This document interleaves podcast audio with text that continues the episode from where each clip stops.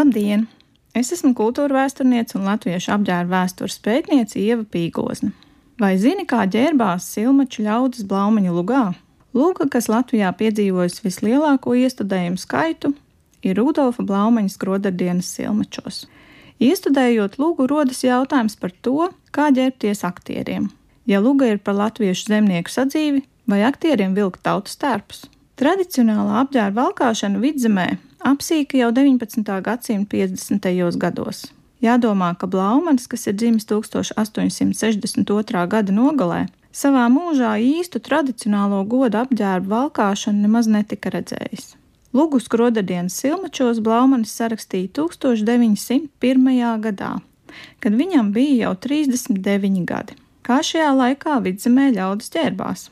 Ikdienā pie lauka darbiem, īpaši vasarā, vēl ar vienu varēja valkāt pašdarinātu līnu apģērbu, bet visas pārējās drēbes jau izskatījās līdzīgas pilsētnieku apģērbam. Nereti laucinieki savu apģērbu, kaut arī pēc pilsētas modes, šuva no pašausta auduma, taču tiklīdz kā varēja to atļauties, goda drēbēm audumus pirka veikalos, pilsētās, tirgos vai no apkārt ceļojošiem ebreju tirgotājiem. Šāda prakse 1901. gadā, kad tika sarakstīts skrodadienas silmačos, pastāvēja jau vairākas desmitgades. Arī lūgas tekstā atrodam ziņas par apģērba darināšanu. Smalkāko goda apģērbu visiem, kuri to varēja atļauties, darināja profesionāli skroderi. 1901. gadā jau labu laiku skrodera amats bija attīstījies tik tālu, ka vīriešu skroderi šuva apģērbus vīriešiem pēc vīriešu apģērba piegrieztnēm, un sievietes šneiderienes šuva kleitas un kostīmus sievietēm pēc sieviešu apģērba piegrieztnēm. 19. gadsimta sākumā visi skroderi bija vīrieši, un virsdrēbes visiem šuva pēc viena piegriezuma taču skrodardienu laikā šī prakse bija sen aiz muguras. Lugā skroderi šuja ar mašīnām. Tās ir šujmašīnas, kādu citiem nav. Pat bagātajās silmaču mājās šujmašīnas pašiem nav. Šis ir ļoti svarīgs aspekts.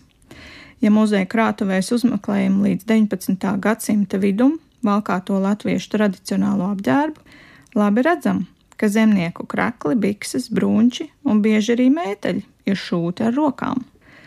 Lugā Dūdars Aleksim šuj uzvalku, un dialogos par šī uzvalka audumu atklājas, kā Aleksis, nebūdams laimīgs par gaidāmajām laulībām, iespītējas un grib palikt pie kalpu kārtē raksturīgā uzvalka auduma, pašaustas vadmalas. Uzzinām arī, ka brūtgānu uzvalkam tiek šūta tūka veste, kurai pokcaurums apšuj ar zīda diegu. Zāra Antonijai šuja jaunu kleitu. Auduma Antonija, kā jau saimniece, protams, ir iegādājusies tādu, kas ražots fabrikā. Šādus audumus latviešu zemnieces savām labākajām goda drānām ir pirkušas jau vairākus gadu desmitus. Lugā atklājas, ka jaunu kleitu uz gaidāmajām kāzām zāra šuja arī Elīnai.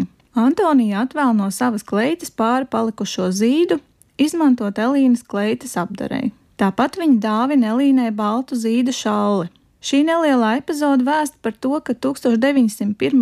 gadā pat kalponei, kā labākais svētku apģērbs, ir smalka, šneiderienes šūta kleita ar zīda aprotījumiem.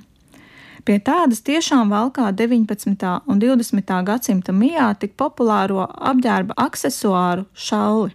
Tāda ir šī laika moda, un zemnieces laukos iet kopsolī ar to. Ikvienam izrādes skatītājiem paliek atmiņā ņemšanās ar lakatiņiem. Pinda cīšana pārāk godīgā ceļā tiek pie diviem batista lakatiņiem. Lūdzu rūdim apvīlēt to malas.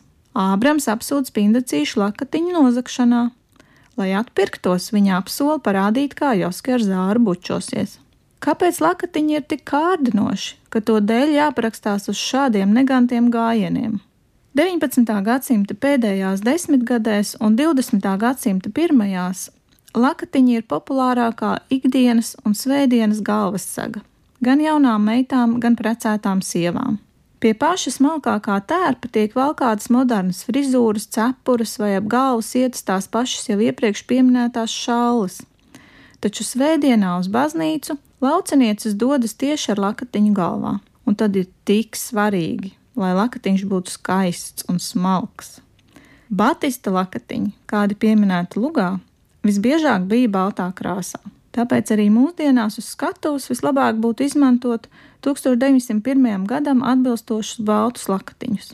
Atsauču uz sava laika apģērba lugā ir diezgan daudz, tāpēc arī iestudējumos nav vajadzības aktierus saģērbt jau gandrīz 50 gadus no modes izgājušos tautas tērpos, bet gan sava laika modes apģērba lauku versijā, jo tieši tā šajā laikā ģērbās latvieši visā Latvijā.